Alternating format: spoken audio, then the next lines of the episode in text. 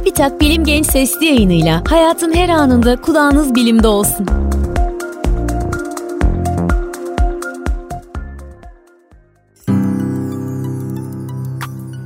Kulağımız neden çınlar?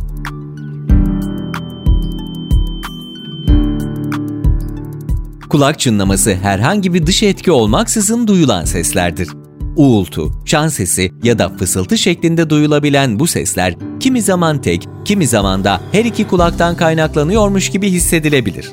Duyulan sesin düzeyi bazen sabit, bazen kesintili, bazen de değişkendir. Yani artıp azalabilir. Kulak çınlaması, kulaktan başlayıp beyne ulaşan işitme süreçlerinin herhangi bir aşamasında ortaya çıkan bir problemden kaynaklanabilir. Ancak çoğunlukla sebebi tüy hücrelerinin hasar görmesidir. Ses dalgaları kulağın içinde hareket ederken kokleadaki tüy hücreleri tarafından elektrik sinyallerine dönüştürülür ve sinir hücreleri tarafından beyne iletilir. Ancak tüy hücreleri yüksek sesin ya da bazı ilaçların etkisiyle hasar görebilir.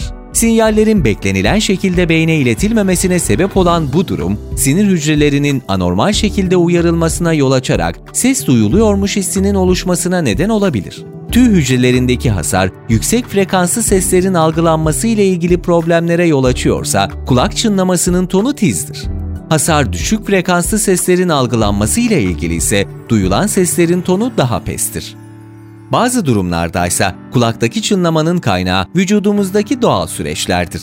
Örneğin insanların pek çoğu kalp atışlarını hisseder.